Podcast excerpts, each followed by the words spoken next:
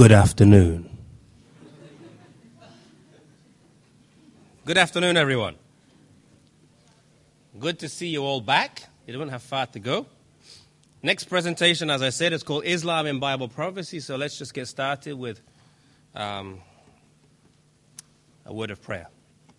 Father in heaven, we once again pray that you would speak to our hearts. Give us, Lord, wisdom and understanding beyond our years.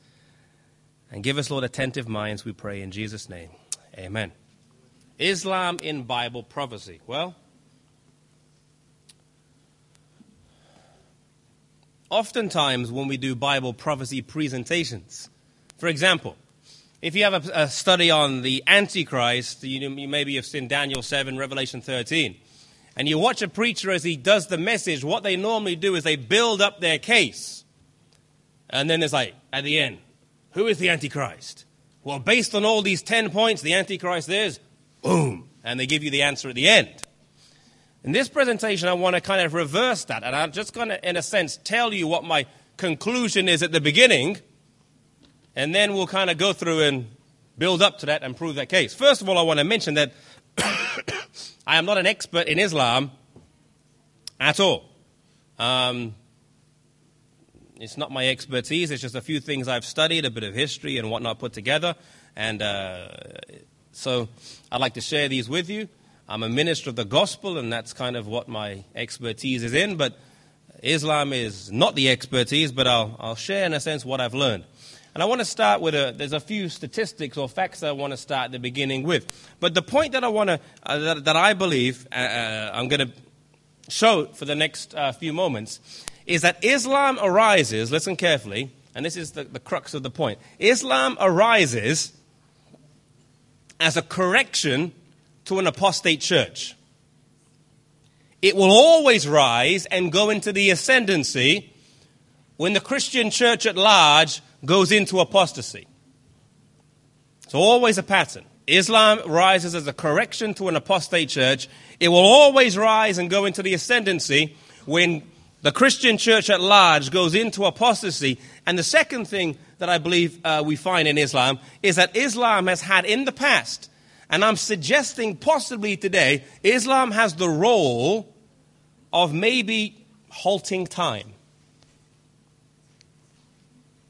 Few facts. One in every four humans is Muslim. Muslims have increased by over 235% in the last 50 years up to nearly 1.6 billion. Christians during the same time period only increased by 47%. Over 50 million people a year convert to Islam. And in 1990, and these are American figures, I, I'm sorry I don't have any for Denmark or any other countries. There were 30 mosques in the United States. In 2001, there were more than 3,000. 2001 is like almost eight years ago now.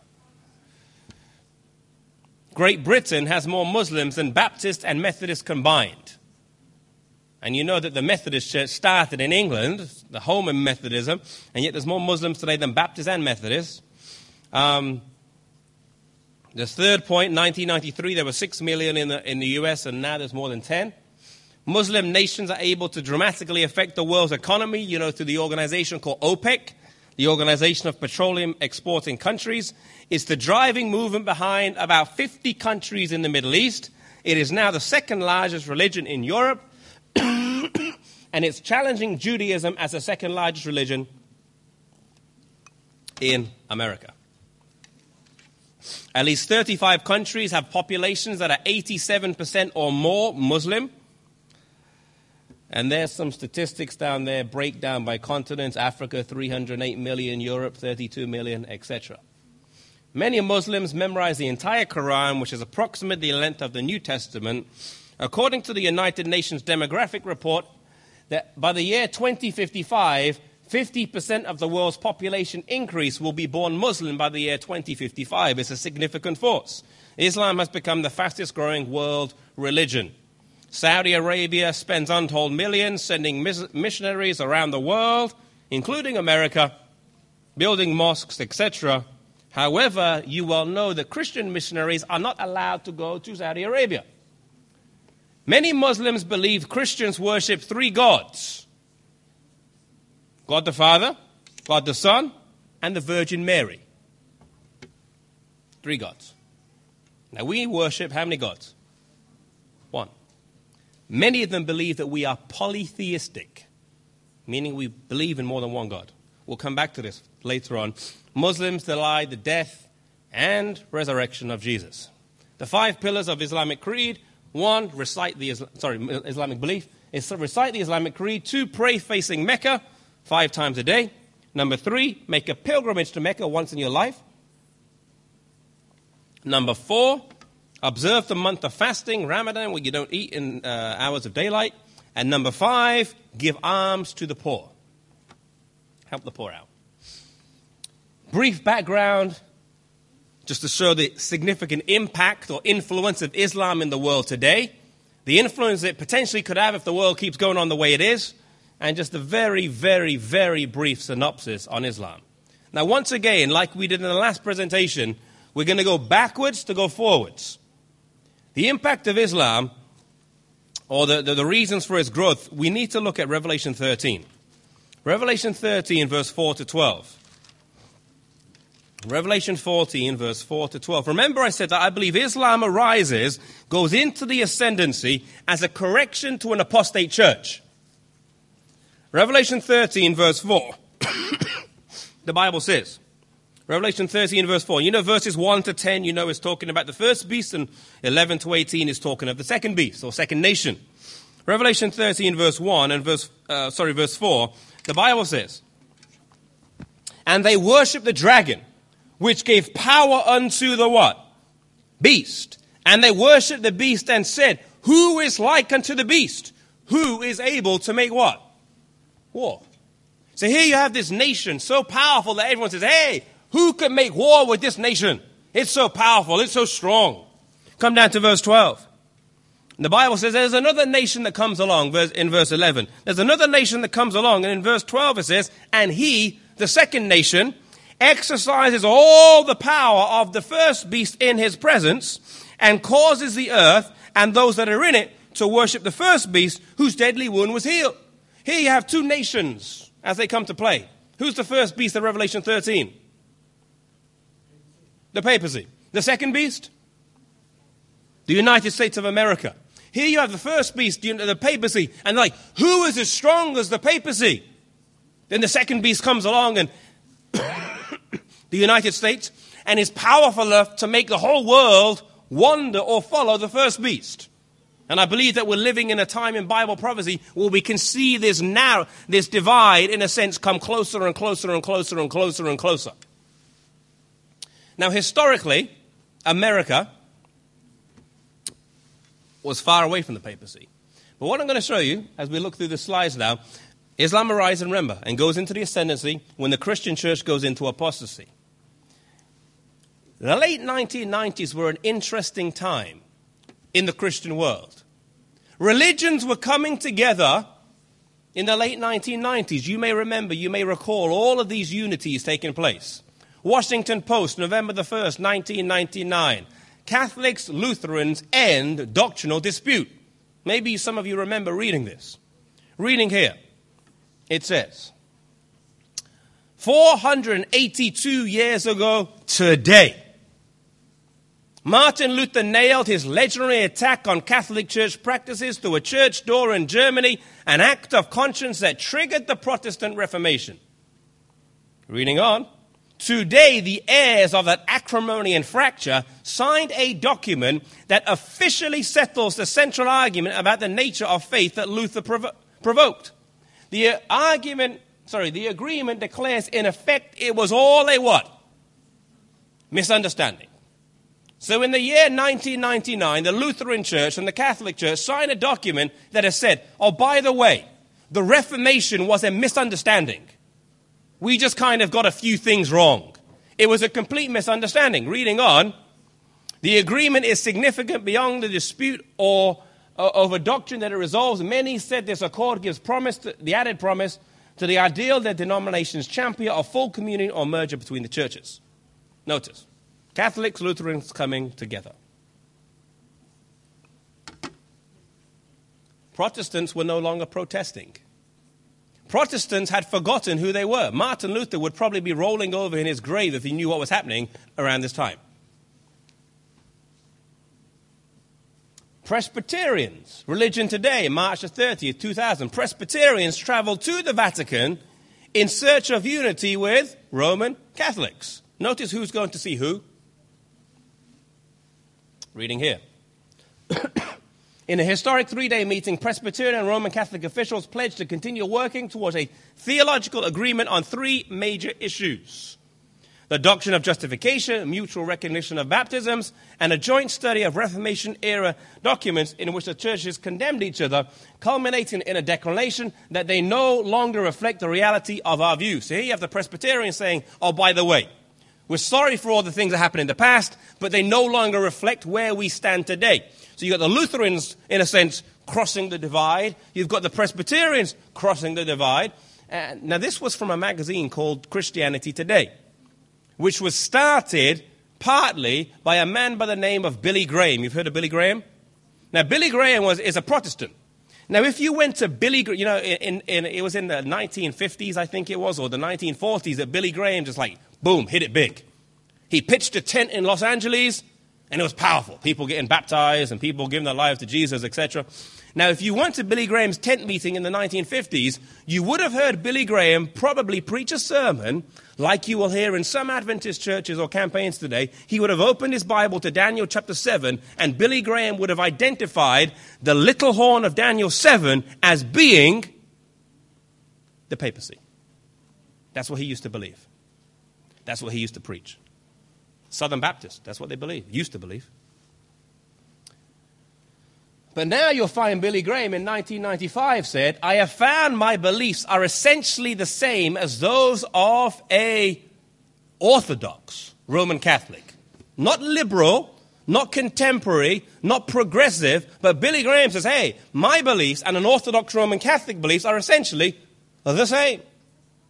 So here you have it, and I'm just reading basically three sources Lutheran, Presbyterian, Billy Graham. I could read, you know, quotation after quotation, but it would just labor the point. At the same time as all the Protestants are making these concessions, notice what the Catholics were saying Dominus, Jesus, August the 6th, 2000, an article that was published by the Roman Catholic Church. This is what they came out and said. Now, the Protestants are coming in a sense, making one step this way, and you would think that maybe the Catholics would make one step this way, meet them halfway. But notice what they said salvation is possible only in the where? Roman Catholic Church. Other ecclesiastical communities are no longer to be referred to as sister churches. We are not sisters. Rome is the what? Mother Church. So while Protestants were making concessions, Catholics were saying, hey, you know what? you want to be saved? You better join us. They weren't flinching or bending one bit. They said, hey, salvation is only possible in us. And in fact, you're not a church. You're only in a ecclesiastical community. And we're not going to call you a sister. We are the mother. Christianity today, notice, notice the dates. August the 6th, a few months later, Christianity Today, writing an article commenting on this uh, uh, declaration by the church, said, honest ecumenism. well, you could say it was honest, but it's not exactly ecumenical. The Vatican's recent, state, sorry, recent statement on the nature of the church is a step forward, not backward for Christian unity. Now, I don't know about you, but when I read a statement that says salvation is only possible in the Roman Catholic Church, that to me doesn't sound like a, a step forward. You understand? But Christianity Today, a Protestant magazine, says, hey, it's a step forward. Now, why am I showing you these quotations? Remember, Islam arises, goes into the ascendancy when Christianity apostatizes.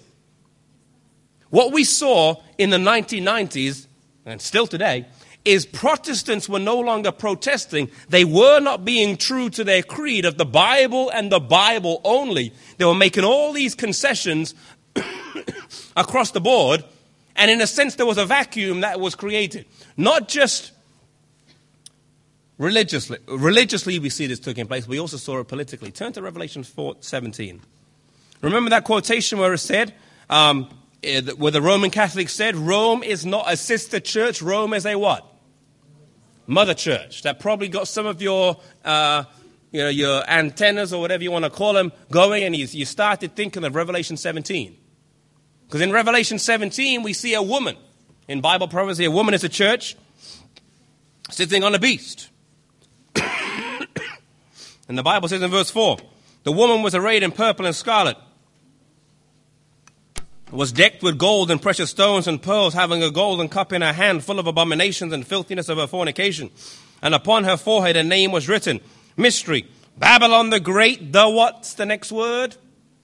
Mother of harlots and abominations of the earth. Here we have this picture in Revelation of the mother church, the mother of harlots, so to speak.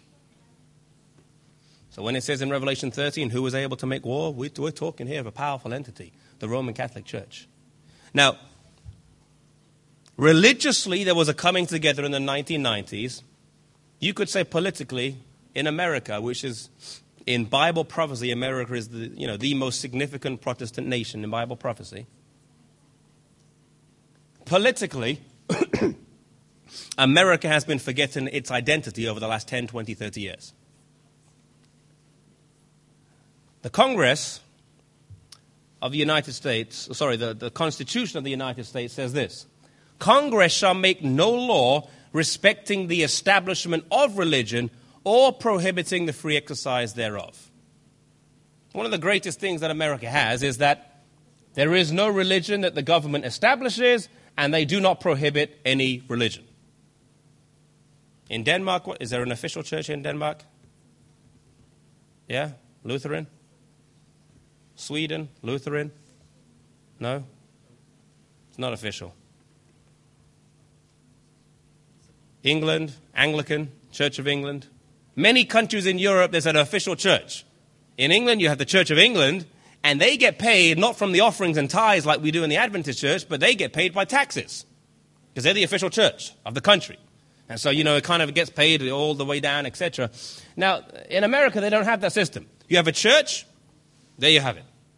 And, you know, you just pay it locally from your congregation or the organization or whichever way it is. And the greatest strength of America over the past 200 years has been that they haven't set up any official national church and they haven't prohibited any national churches from starting. However, in the last 10, or you could say 5, 10, 20 years, this, in a sense, amendment to the Constitution has been chipped away at bit by bit by bit by bit over the years. Different ways. One way that it has been chipped away at is in the area of education. Just to bring this one point out. Notice here 1875. Leave the matter of religious teaching to the family altar, the church and private schools supported entirely by private contributions. Keep the church and state forever what? Separate. Encourage free schools and resolve that not one dollar appropriated for their support shall be appropriated for the support of any sectarian schools. You know, this is just going back 100 years, and it's one area where America has, over the last 20 years, watered itself down completely.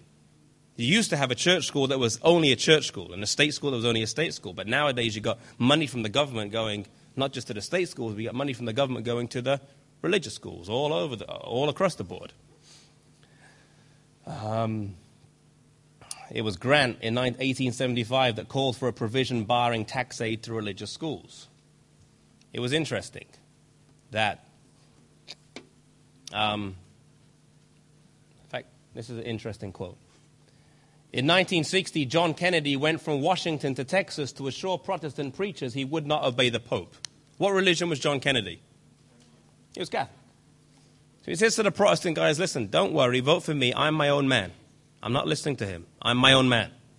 In 2001, George Bush came from Texas to Washington to assure a group of Catholic bishops he would. What religion's George Bush? He's a Protestant. Complete reversal over the last 40 years. You know, when George Bush came to power, one of the first things he started talking about in this area of policy was voucher programs and religious sub, I mean subsidy to religious schools, which goes right along with Catholic belief. that school choice, etc. They, they, the part of Catholic canon law is for the, the church to receive money from the government, etc., in uh, the aiding of their schools. And it's interesting that this was one area of policy that George Bush was weakening on, and America was weakening on, and there was money going all across the board, school wise, and, and America was making compromises on the uh, religious scene, it was making compromises on the political scene. It wasn't, in a sense, standing true to its call of separation of church and state. And, oh, you know, 1990s, 2000, and ever, you know, since then there's been compromises all across the board. And September the 11th, fast forward, George Bush, there he was, got the word that the planes had been hijacked. Uh, unfortunately, they flew themselves into the buildings.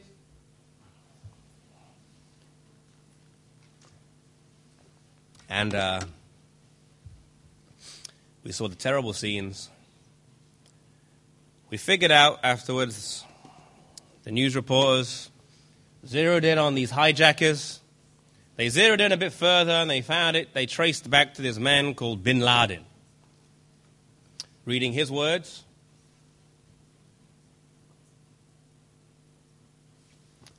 For over seven years, the United States has been occupying the lands of Islam in the holiest of places the Arabian Peninsula, plundering its riches, dictating to its rulers humiliating its people, terrorizing its neighbors, and turning its bases in the peninsula into a spearhead through which to fight the neighboring Muslim peoples. And thus, America became a target. Reading on, on that basis and in compliance with God's order, we issue the following fatwa to all Muslims.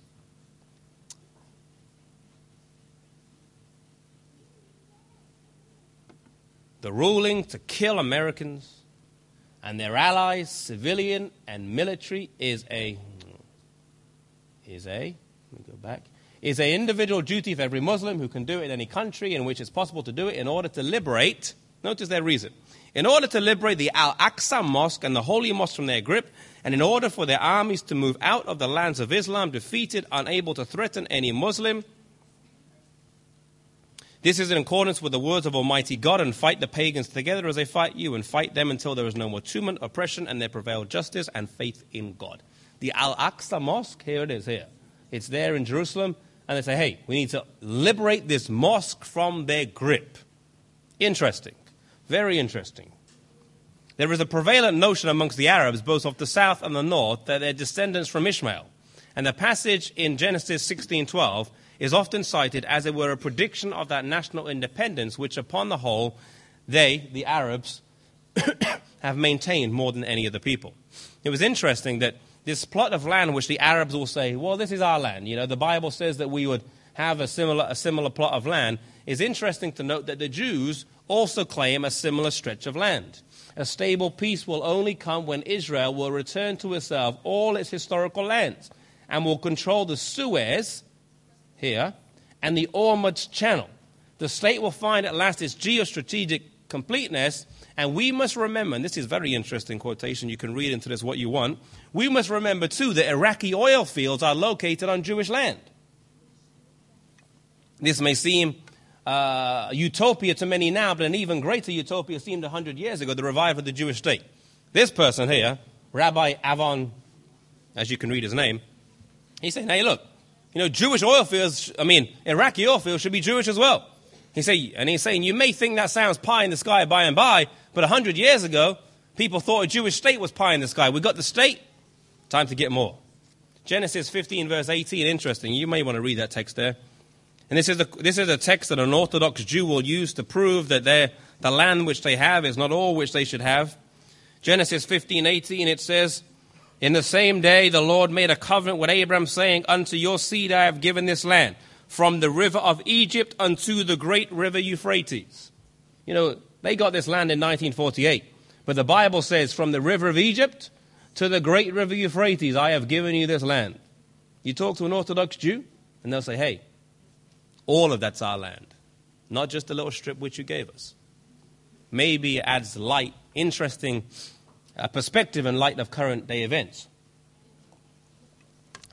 But here, moving on, or just to recap Islam arises, goes into the ascendancy when Christianity goes into apostasy. And I show two areas where Christianity has gone into apostasy today. Number one, in the area of religion, where Protestants and Catholics are coming together. Number two, in the area in America, where the church and the state are coming together. And in this environment, it creates a vacuum, so to speak, that Islam arises in. Is there a historical is there a historical precedent to show this? Revelation 13. Who is the first beast? Roman Catholic Church. The Antichrist was none other than the Roman Catholic Church. Here you have Martin Luther and you have some other reformers that uh, are there in the picture.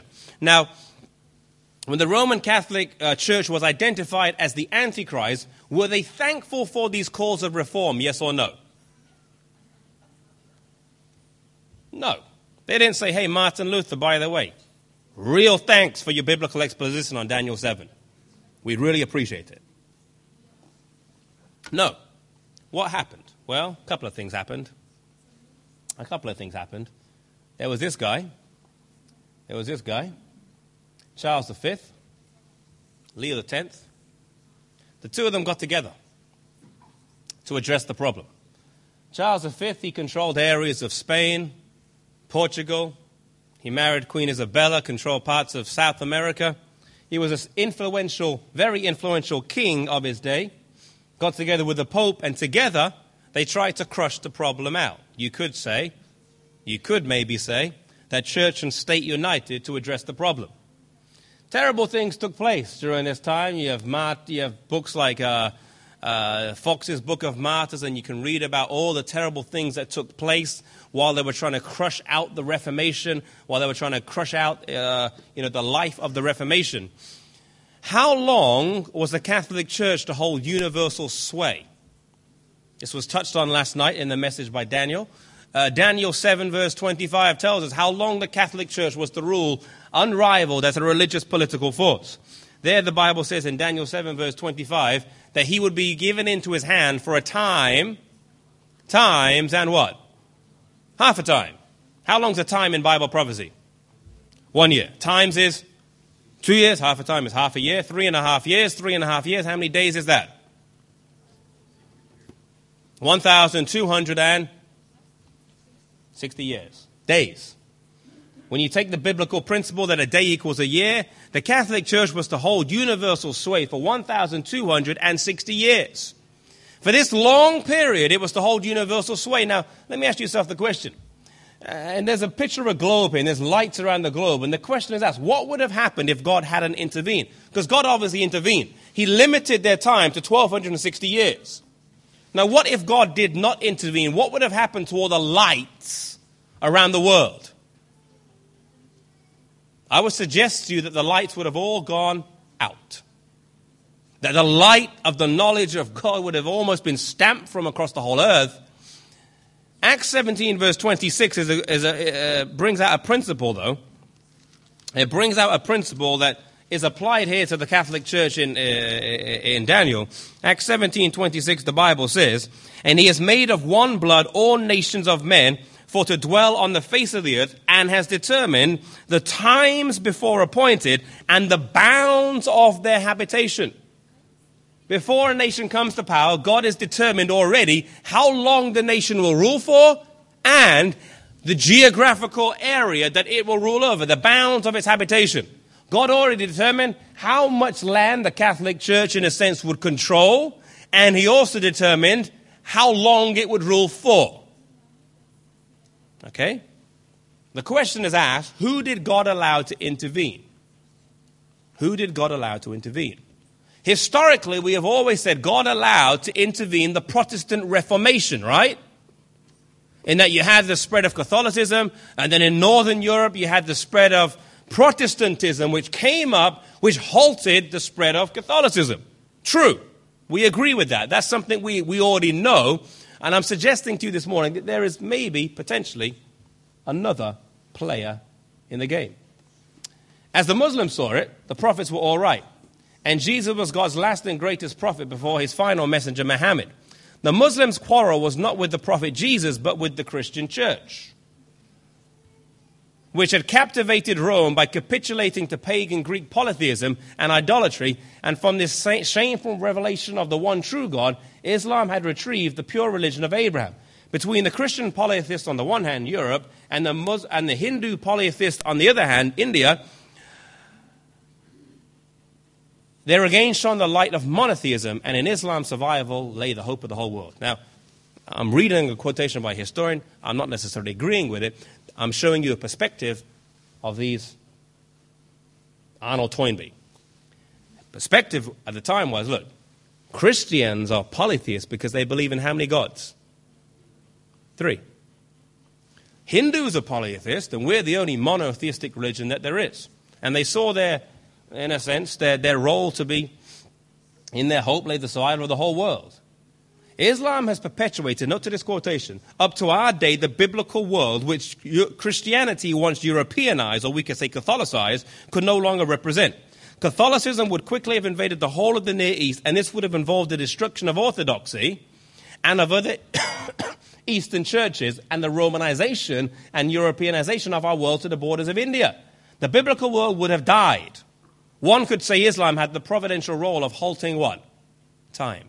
Where do we get, where do we get the manuscripts for the Bible that we hold in our hand today from? Western Church or Eastern Church? Eastern Church. Eastern Church. Interesting. Notice a map.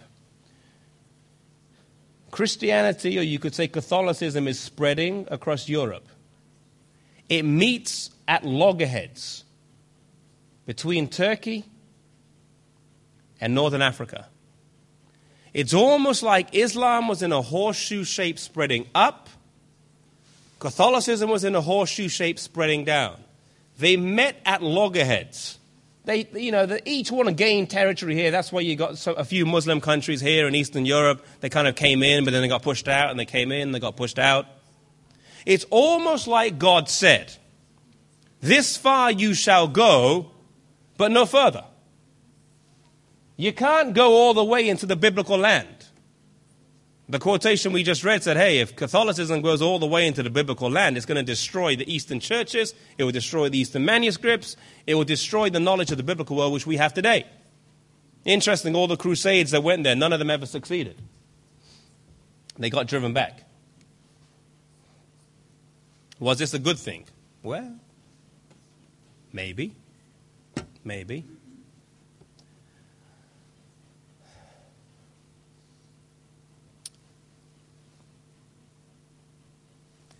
Around the time that is, and this, these pictures, these are around 12, 13, 1400s as well.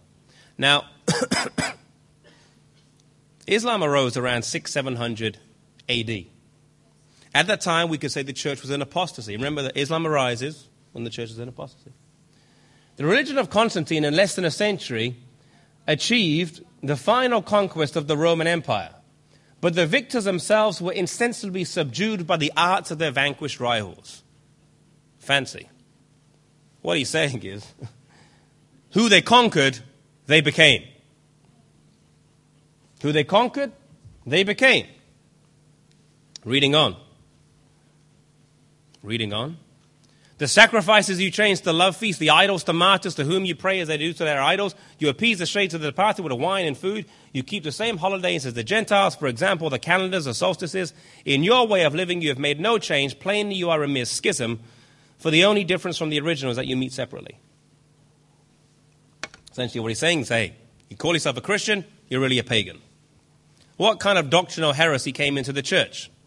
Notice this this heresy of profligate paganism of a male god raping a female god, from which abominable incestuous union was, was produced the Son of God, was conceived in Canaanite cults. Now, this was a teaching coming into the Christian church around, three, around 4, 5, 600 AD, the same time that Islam was about to arise. Interesting. If you had heard about Jesus Christ being a rape child, would you accept him as yourself? Probably not. Reading on. Uh, Rashomon, Egypt, incubated into Greco-Roman mythology, especially the mystery religions, bore full stature in the apostate church and foisted off onto the non-Christian world as truth. So widespread was this concept of the Trinity a father god, a mother god, and a physical biological offspring to make a third son god, that the residents of Mecca in Central Arabia had installed in their pantheon a Byzantine icon of the Virgin so the Christian merchants could worship. Now, this was the Christianity that was kind of around at the time that Islam was arising. In AD 31, 431, Cyril, Archbishop of Alexandria, in a famous sermon at Ephesus, applied to Mary many of the terms fondly ascribed by the pagans of Ephesus to their great goddess, Diana. You remember in, in the book of uh, Acts, great is Diana of the Ephesians? The Council of Ephesus in that year, over the protest of Nestorius, sanctioned for Mary the title Mother of God. Gradually, the tenderest features of Astarte, Cybele, Artemis, Diana, and Isis were all synthesized in the worship of Mary. So around the time, remember, Islam rises when there's a vacuum. We have these terrible uh, heresies, apostasies coming into the Christian church. And we ask the question, was the spread of Islam a good thing and that it brought a halt to the error, halt to the teaching of these errors? Catholicism is spreading down, Islam is spreading up. They meet at loggerheads. Neither one makes territory really to speak on the other. Occasionally, you know, one gets a bit further than the other. You have this, uh, forget, this was the, um, this is the Hagia Sophia, I believe, in um, Istanbul.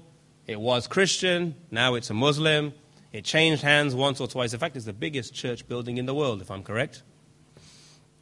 And let me show you something that will interest you, maybe blow your mind. Martin Luther, Protestants. Suleiman, Islam.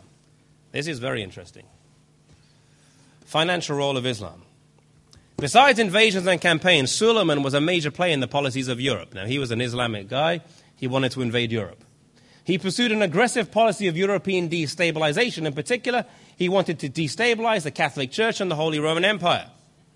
Now, when European Christianity split Europe into Catholic and Protestant states, Suleiman poured financial support into the Protestant countries in order to guarantee that Europe remain religiously and politically destabilized and so ripe for an invasion. Several historians have argued that Protestantism would never have succeeded without the support of the Ottoman Empire. Interesting. I believe Protestant obviously, obviously succeeded because it had the support of God, primarily. Militarily, role of Islam. Muslims took Constantinople in 1453. From that time on, through the lifetimes of Luther, Calvin, Zwingli, Muslims were pounding at various European borders like Vienna. All this military activity kept the Holy Roman armies busy while the Reformation quietly unfolded in Germany, France, and Switzerland. In pro- so what he's saying is, okay, Northern Europe, you got the Reformation. Southern Europe, Islam keeps attacking. The Catholics want to go and squash the Reformation, but they can't. Because if they go and squash the Reformation, then Southern Europe gets invaded. So they have to keep defending Southern Europe, which left Northern Europe alone. Let's have a view of Protestant historians and see if they back this up. Great Controversy, page 198. God's providence had held in check the forces that, 197, sorry, that opposed the truth. Charles V was bent on crushing the Reformation, but often as he raised his hand to strike, he had been forced to turn aside the blow. Again and again, the immediate destruction of all who dared oppose themselves to Rome appeared what? Inevitable. The Protestants in Germany, it was inevitable they were going to get squashed. The ones in Czech, inevitable. They were going to get squashed. They were going to get wiped out. But at the critical moment, the armies of the Turk appeared on the eastern frontier. Or the king of France, or the pope himself, jealous of increasing greatness of the emperor, made war upon him, and thus, amid the strife and tumult of nations, the Reformation was left to strengthen and extend. Very interesting. What Ellen White is saying is that it was amidst the, the, the, the war, the strife, the commotion going on in Europe at the time that the Reformation was unable to give time to strengthen and extend. Almost like God strategically allowed Islam to arise and attack southern Europe to leave northern Europe alone. in peace. Two things. Remember, Islam arises and goes into the ascendancy when the Christian church is in apostasy. I believe we're seeing that right now take place. What does Christianity have to offer the world today in its current form? Not much. Love Jesus, heaven is your home. What does Christianity require of its believers today? Does it require you to live a moral life? No. Does it require you to give up anything? No. Does it require excellence of its people? No. It's, it's just nothing. You just show up. Does this mean Islam is truth? No, of course it doesn't. We're talking of a strategic role, not a theological or biblical, or, or you, you get the idea. First John, I think, 2, it says, you know, unless you call that Jesus Christ is, is, is, is God, then there's no truth in them. the Protestant reformers taught the rise and fall of Islam. And they taught that the book of Revelation predicted the rise and fall of Islam. Here's a bunch of them that taught this. It's in Revelation chapter 8 and Revelation chapter 9. The seven, the seven trumpets, the, the fifth and the sixth trumpet in particular. In Revelation 9, verses 1 to 12, you have the, the account of the um, I believe, a limited expansion of Islam in Revelation, in Revelation chapter 9, where it talks about the faces of, you can read, uh, we don't have time to go into all the details or to, or to study, but it talks about the face, it describes John seeing a scene where he talks of the faces of men, the hair of women, the crowns like gold, the teeth of lions, the, the horses like locusts. Uh, they'll be hurt for five months. Ab- Abaddon and Apollyon. All of these, uh, this I believe, is imagery that relates to Islam. The faces of men, the beards, the hair of women, long hair the crowns like gold, colored turbans, teeth of lion, fearless fighters. The horses like locusts, the Arabian horses. Hurt for five months, 150 years. It's interesting to note that the spread of the desert locust covers a very similar area that Islam spread over. Notice what Martin Luther said here. I'm beginning to get fired up against the Turk and Muhammad since I'm aware of Satan's fury. But we are the people to whom it's been predestined to see and enjoy these last two woes which come down upon us and rage among us with the violence of the last day. I'm not sure when he said this. It was probably before he started getting paid by the guy. Revelation 9, verse 13 to 21, talks of a limited expansion of Islam, where it talks about the time period. We don't, as I said, have time to go into this the day, the hour, the month, and the year, the 390 prophetic years that Islam would rule for up until 1840, when it would then be pushed backwards. Uh, the Bible, I believe, talks of a limited expansion of Islam. Uh, notice here, among the prophecies of the Old and the New, there is none that points out the anti Christian kingdom of the Turks better than the revelation of St. John. Writing at the time of the sixth angel, loose the four angels which are bound in the great River Euphrates. I believe there's a principle that once the Reformation was established, Islam fell back. It faded off the scene. The Reformation migrated. It started in France and in uh, Germany. I know that's way off course. And Switzerland and Bohemia. The Reformation started there, but it couldn't finish and it migrated westwards. It migrated to a country called the United States of America, where it continued, the Reformation continued, and the lamb like country which started out there started to grow, and religious freedom was offered, etc. But religious freedom in the United States would, toward the end of time, start to go into decline as well. And I'm wondering today, I'm kind of, as I study this, as I look at the role Islam played in the past, Islam played a role in the past, number one, of arising in a vacuum where there was doctrinal apostasy. Number two, it also had a role during the Reformation of halting time.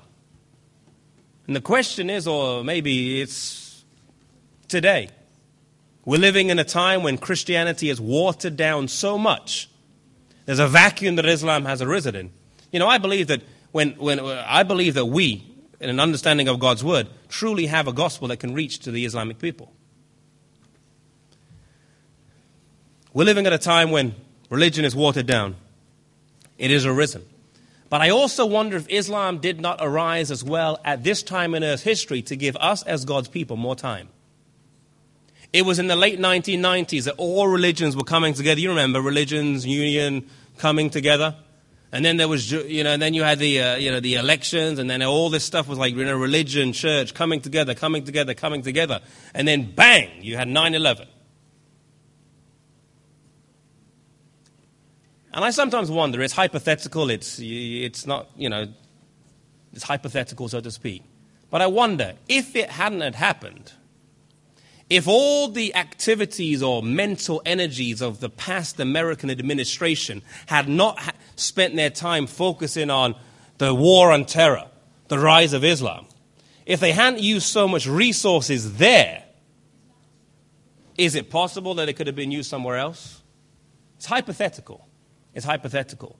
But I wonder if the rise of Islam this time has not also happened for a similar reason that it arose during the Reformation to give us as God's people more time, to delay, in a sense, the prophetic time clock, and to give us more time to finish the work which we have to do, to get ready, to warn the world of the gospel that is, uh, needs to go out there, and that we can get ready and go home. A summary Islam arises in the early 600s.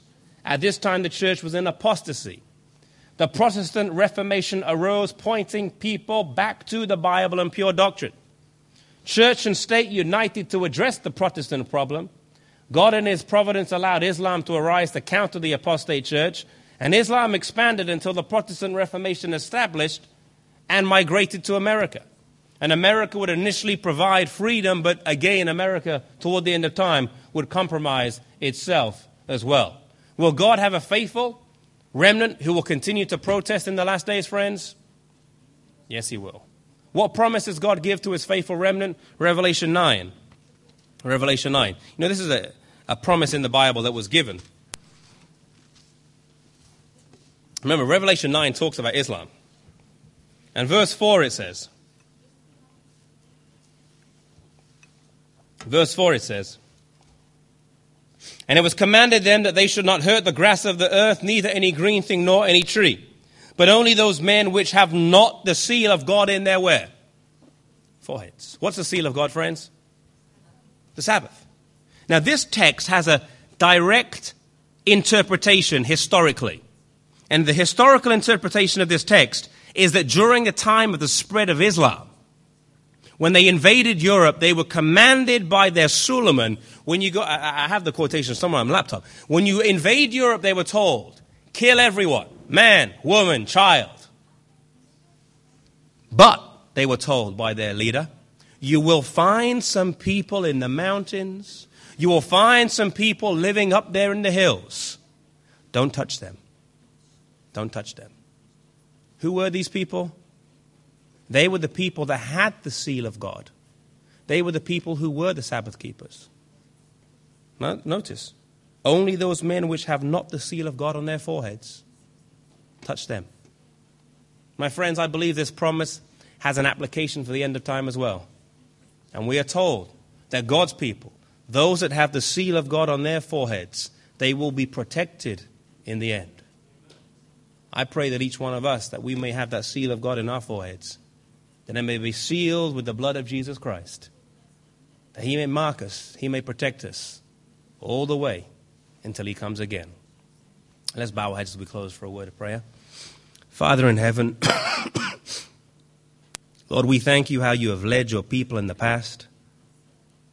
We thank you, Lord, for the Protestant Reformation which arose to point people back to the Bible.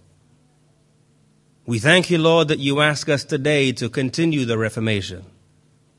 I pray, Lord, that you may awake us as the church out of religious stupor and that we may arise with the message that we have to show the world something different, to show the world that Christianity does mean something today, to show the world that Christianity does have values, does have principles, and it is a religion that means something. I pray today, Lord, that we would take hold of the promise as well, that you will never leave us nor forsake us and those that are true to you, you will be true to them in the end. Bless us, Lord, we pray, in Jesus' name. Amen.